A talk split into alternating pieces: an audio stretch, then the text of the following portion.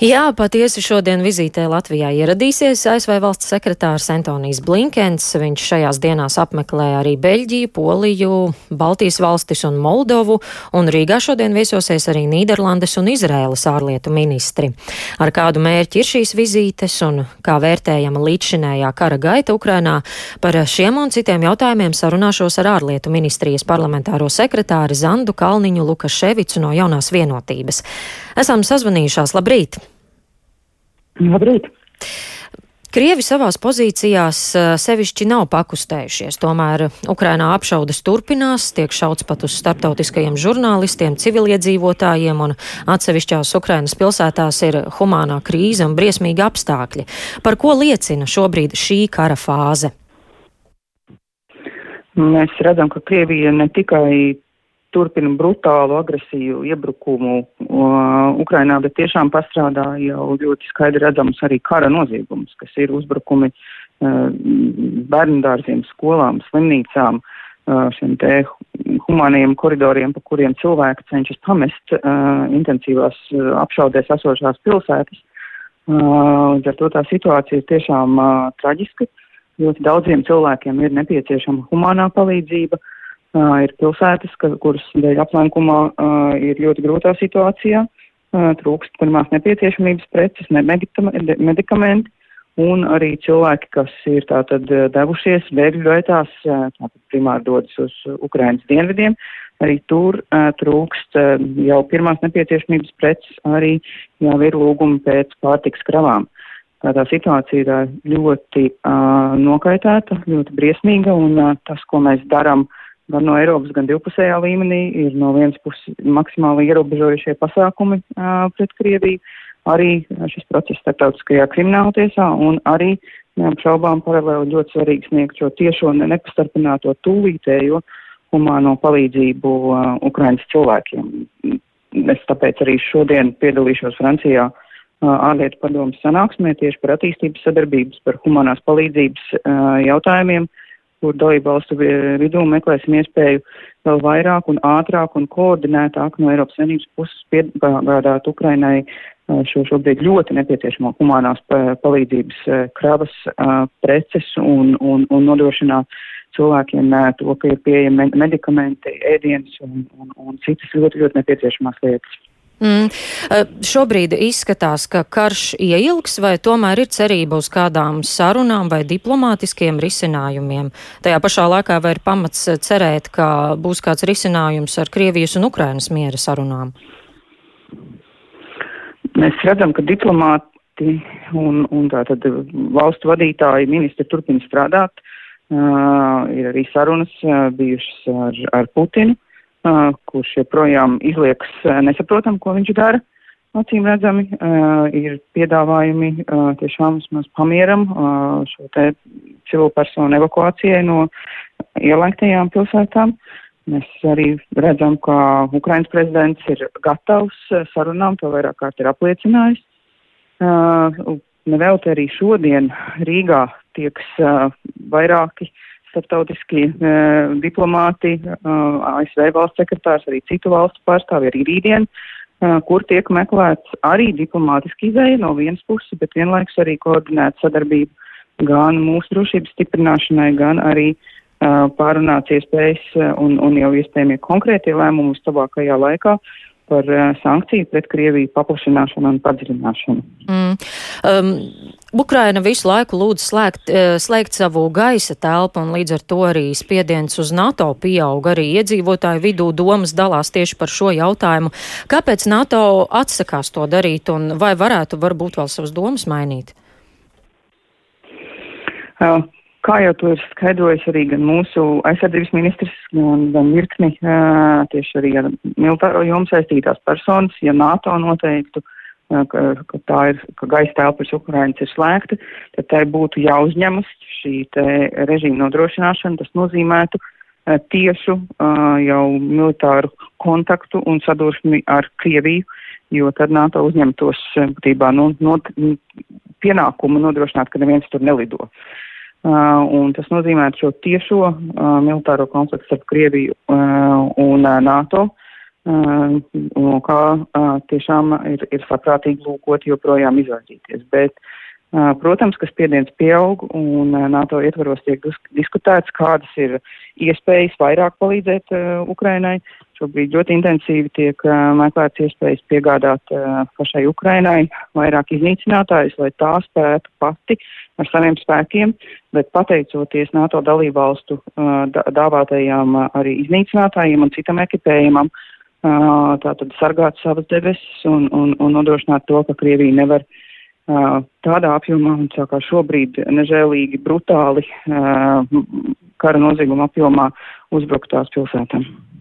Kā skaidrot to, ka ASV ir devušas zaļo gaismu kaujas lidmašīnu nosūtīšanai uz Ukrainu no NATO valstīm, tomēr Polija ir atteikusies to darīt? Kādēļ tā?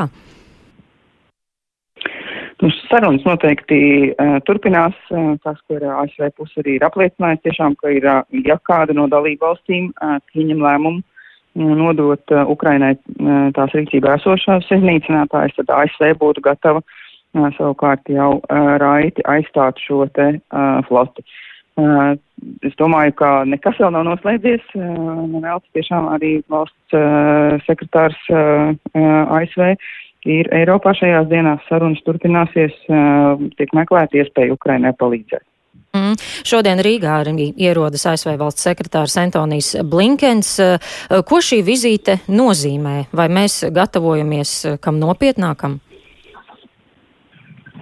Tas nozīmē, ka tiešām šai, šodien un arī rītdien Rīgā būs virkne mūsu starptautiskai kolēģi. Rīga būs tiešām starptautiskās politikas epicentrā. Uh, lai gan ar mūsu valsts vadītājiem un ārlietu ministru pārunātu aktuālos jautājumus, gan arī savstarpēji tiekoties.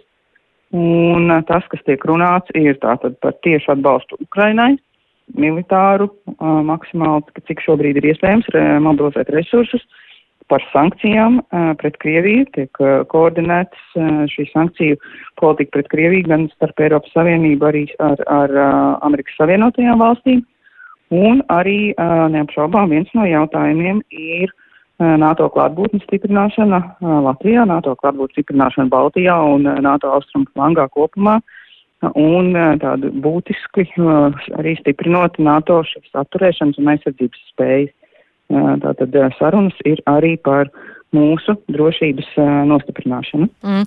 Sabiedrotie ieklausās Baltijas valstu teiktajā un pietiekami ņem vērā mūsu bažas. Uh, Sabiedrotie tiešām ieklausās. Es domāju, arī šajās dienās jūs redzēsiet ļoti daudz viesus Rīgā, kas arī liecina, ka šajos saspringtos apstākļos vēlas nepastepināti būt šeit, runāt ar ārlietu ministru, runāt ar premjerministru un veidot kopīgi šos viedokļus. Latvijas zināšanas par reģionu, Latvijas arī spēja novērtēt situāciju un rosināt risinājumus ir novērtēta mūsu ārlietu ministra un premjerministra darbības ir, ir, ir ļoti augstu vērtēta un, un spēja ietekmēt šos lēmumus un ir jau spējusi to vairākas lietas arī panākt. Tiešām sankciju stiprināšana ir bijis viena no mūsu prioritātēm iepriekšējās dienās un tos tur, turpināsim strādāt arī uz priekšu. Mm. Jūs jau arī sarunas sākumā pieminējāt, un arī Blinkens ir publiski izteicies, ka Vašingtonai ir ticamas ziņas, ka Krievija ir pastrādājusi kara noziegumus Ukrainā. Vai un cik ir iespējams, ka Putina un viņa līdzatbildīgos varētu starptautiski tiesāt? Šobrīd process ir jau uzsākts arī ar Latvijas iesaisti. Mēs esam arī atbalstījuši šo prasību starptautiskajā krimināla tiesā. Šobrīd jau ir nosūtīta arī attiecīgi uz Ukrainu misija, lai dokumentētu šos karu noziegumus. Tāpat tās arī mūsu juristi saziņā un eksperti saziņā ar, ar, ar kolēģiem citās valstīs gatavo turpina strādāt pie tā, lai rosinātu pret Krieviju šis starptautiskos tribunālus arī citos formātos šie kara noziegumi un noziegumi pret mieru ir tik masīvi un brutāli, ka uh, nebūs iespēja Putinam no tiem uh, izvairīties no, no, no, no atbildības uh, par tiem. Šobrīd visa civilizētā pasaule tiešām to skaidri redz. Uh, uzbrukumi bērndārziem, skolām, slimnīcām, um, civiliedzīvotāju kolonām ir skaidri redzami visai pasaulē jau piefiksēti kara noziegumi. Mm. Un sarunas noslēgumā vēl par mūsu valsts piedarīgajiem Ukrainā. Vai visi, kas varēja un vēlējās, ir pametuši Ukrainu, vai tomēr kāds vēl ir kaut kur iestrēdzis un netiek mājās? Vakar nakt Rīgā atgriezās ceturtais autobus, ar tiem kopā ir tātad uz Rīgu no Ukrainas evakuēti 261 cilvēks, no tiem 123 bija Latvijas valsts piedarīgie, 142 cita Eiropas Savienības valsts piedarīgie, kā arī bija tātad Ukrainas pilsoņi, kas ir ģimenes locekļi mūsu cilvēkiem. Uz šobrīd mēs esam saziņā ar vēl 33 mūsu pilsoņiem, kas vēlas izkļūt no Ukrainas. Viņiem vēl nav izdevies nonākt līdz Ļuvovai, no kurienes šī evakuācija būtu iespējama. Esam ciešā saziņā un, un sekojam.